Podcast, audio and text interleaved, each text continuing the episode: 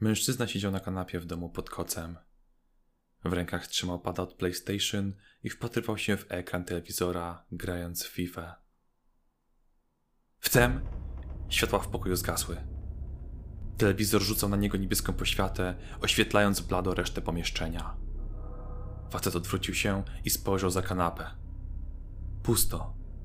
Niewielkie handle, obraz Lady Punk na ścianie oraz zapuszczone rolety na okna były na swoim miejscu. Stał odkrywając koc i zapalając latarkę z telefonu, po czym udał się w kierunku instalacji elektrycznej w kuchni. Mniej więcej w połowie drogi rozległ się dźwięk dzwonka do mieszkania, któremu wtórowało głośne pukanie, a to wszystko przy akompaniamencie piorunów oraz kapiących kropel deszczu na parapet. Mężczyzna zawahał się. Ręce tygotały mu z zimna, a pukanie wydawało się być coraz głośniejsze. Szedł powoli. Jego skarpetki nie wydawały żadnego dźwięku, zsuwając się lekko po panelach. Pukanie było coraz głośniejsze. Dzwonek coraz bardziej irytujący, a strach coraz większy. Był już przy klamce. Spojrzał przez Judasza i ujrzał postać czarną jak smoła, trzymającą w dłoniach duże pudełko, na którego wierzchu widać było trupią czaszkę ze skrzyżowanymi kośćmi. Mężczyzna dygnął i odsunął się odruchowo od drzwi, gdy nagle rozeszło się wołanie. Kurwa, panie! Ja tu marznę! Otwieraj pan! Domownik otworzył drzwi i ujrzał to, co widział przez Judasza, tylko już w mniej rozmazanej wersji. Cholera, walisz pan konia czy co? Nie dość, że jak z cebra, to jeszcze w błoto wpadłem. To będzie razem 35 zł. Mężczyzna spojrzał beznamiętnie, jak dostaje trzy pudełka pizzy, zlewające się swym wyglądem w jedno. Na szczycie pierwszego znajdowała się trupia czaszka, a pod nią napis Uwaga, śmiertelnie ostre. Wyciągnął z kieszeni 50 zł, po czym wręczył je dostawcy. Reszty nie trzeba. Wyjąkał mężczyzna, prędko zamykając drzwi za sobą. Dostawca patrzył jeszcze przez chwilę skonsternowany. Kurwa, co ta pandemia robi z ludźmi? Siemanko, manufakturowicze! Rany, strasznie długa nazwa. Słuchajcie, dobrze jest tutaj słyszeć, a zwłaszcza ciebie, drogi słuchaczu. Ostatnio opowiadałem o tym, jak trenować wyobraźnię. Tam mówiłem o tych storycubesach, czy też białej kartce. A dzisiaj opowiem tobie, jak zapanować nad stresem. I założę, założę się, że nieraz zdarzyło ci się doświadczyć w życiu sytuacji, gdzie opowiadasz jakiś żart i nagle go spalasz. Albo mówisz jakąś historię z życia, ale gubisz się w niej, tracisz wątek, a słuchacze tym samym tracą zainteresowanie. Stres jest właśnie tym czynnikiem, który powoduje, że tracisz flow. Ja na przykład jak ułożę w swojej głowie jakąś zajebistą historię albo żart, w momencie kiedy mam go powiedzieć, staram się nie nakładać na siebie żadnej presji. Z tyłu głowy mój mózg wie, że to, co chcę powiedzieć, jest naprawdę dobre i czuję, że muszę to dobrze zrobić, aby tego nie spalić. Ale do czego to prowadzi? Wychodzę potem przed grono znajomych i opowiadam i nagle zwiecha. Albo zaczynam się jąkać. Albo w ogóle się gubię. Presja jest tak duża, że zjada mnie żywcem. Od wielu lat praktykuję taką filozofię, to zabrzmi tak enigmatycznie, mieć wyjebane.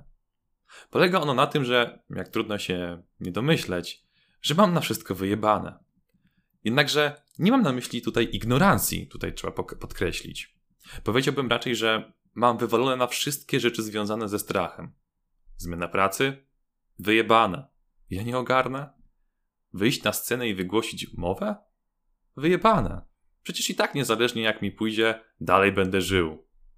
Zacząć robić coś zupełnie nowego w życiu? Wyjebane. Przecież jak inni to robią, to ja też mogę. Tak to właśnie mniej więcej wygląda. Dlaczego w ogóle o tym mówię? Otóż możesz to powiedzmy w łatwy sposób zaaplikować w swoim życiu. To jest swoją drogą zabawne, jak my ludzie mamy problem z tym, aby się tak nie przejmować w życiu. Czynność, która wydaje się relatywnie prosta, niczym leżenie na kanapie, a tymczasem naprawdę mnóstwo osób ma z tym problem. Ja również zresztą przejmowałem się kiedyś w życiu, ale to jest temat na inną historię. Wracając. Jak możesz zaaplikować filozofię wyjebania w swoim opowiadaniu historii? Zwyczajnie w świecie, nie nakładając na siebie żadnej presji. Nawet jeśli jest to presja z zewnątrz, miej totalnie wyjebane jak największy jebacz świata. Naprawdę. Po prostu w momencie opowiadania swojej historii kompletnie nie myśl o tym, jak dobra jest twoja historia. Postaw się w świecie samych faktów. Przykładowo, jesteś na ognisku i chcesz opowiedzieć jakąś ciekawą, dynamiczną historię ze swojego życia. Siedzicie w kółku, jest was dziesięciorga, a ty stoisz i opowiadasz. Opowiadasz, czyli ruszasz ustami, wydając dźwięki ze swoich strun głosowych, również używając do tego języka. To są właśnie fakty. Nie ma czegoś takiego jak przenikliwe spojrzenia innych, presja twojej głowy czy otoczenia. Daj sobie pozwolenie na bycie najgorszym opowiadaczem historii na świecie. Tak słabym, że już nikt tak nie spali historii jak ty. Dając sobie takie przyzwolenie wewnętrzne, presja odchodzi, no bo wiesz, że tak już gorzej być nie może. Gwarantuję ci, że przestaniesz się stresować, a tym samym spokojnie udźwigniesz opowiadaną historię. Pamiętaj tylko, że masz dać sobie przyzwolenie, a nie myśleć, że jesteś słaby czy też słaba w opowiadaniu.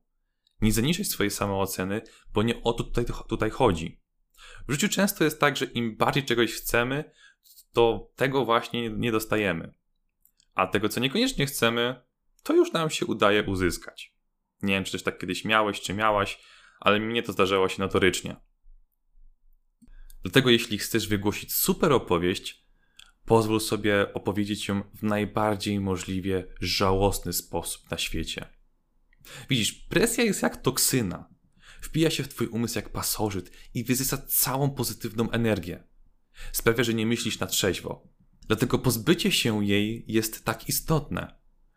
To nigdy nie będzie tak, że pozbędziesz się jej na zawsze w 100%. Oj, nie, nie, nie, nie, nie. Presja zawsze będzie na tobie ciążyć. Ale spokojnie. To wcale nie musi oznaczać coś złego. Ja, jak mam na przykład opowiedzieć jakąś super historię, to też czuję presję. Jeśli bym jej nie czuł, no to prawdopodobnie zacząłbym się zastanawiać, czy nie jestem jakiś psychopatą, no bo to właśnie oni potrafią nie czuć w takich momentach. Uczucie ekscytacji, pewnego rodzaju strachu, presji będzie ci zawsze towarzyszyć właśnie w momencie opowiadania historii przez znajomymi czy też obcymi ludźmi.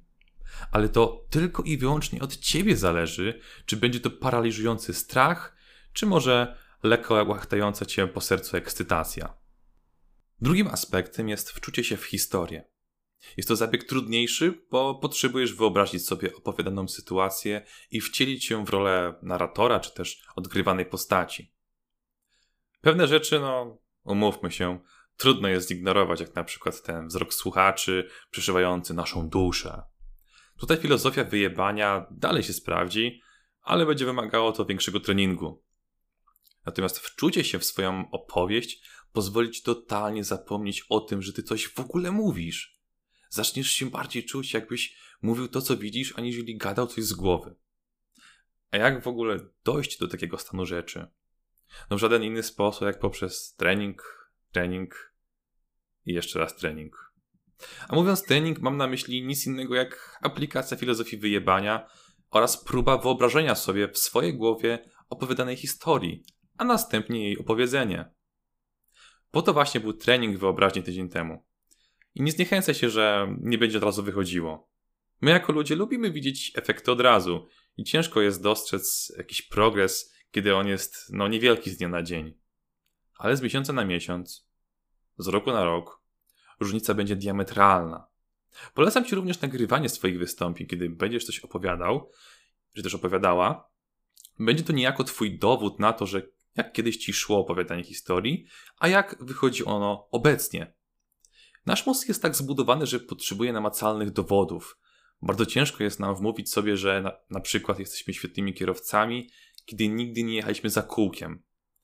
Ale po tym, jak już przyjedziesz powiedzmy, nie wiem, 40 godzin i umiesz zrobić wszystkie manewry sam samochodem, jak i zmieniać biegi, to potem masz takie pff, zaczynam to łapać.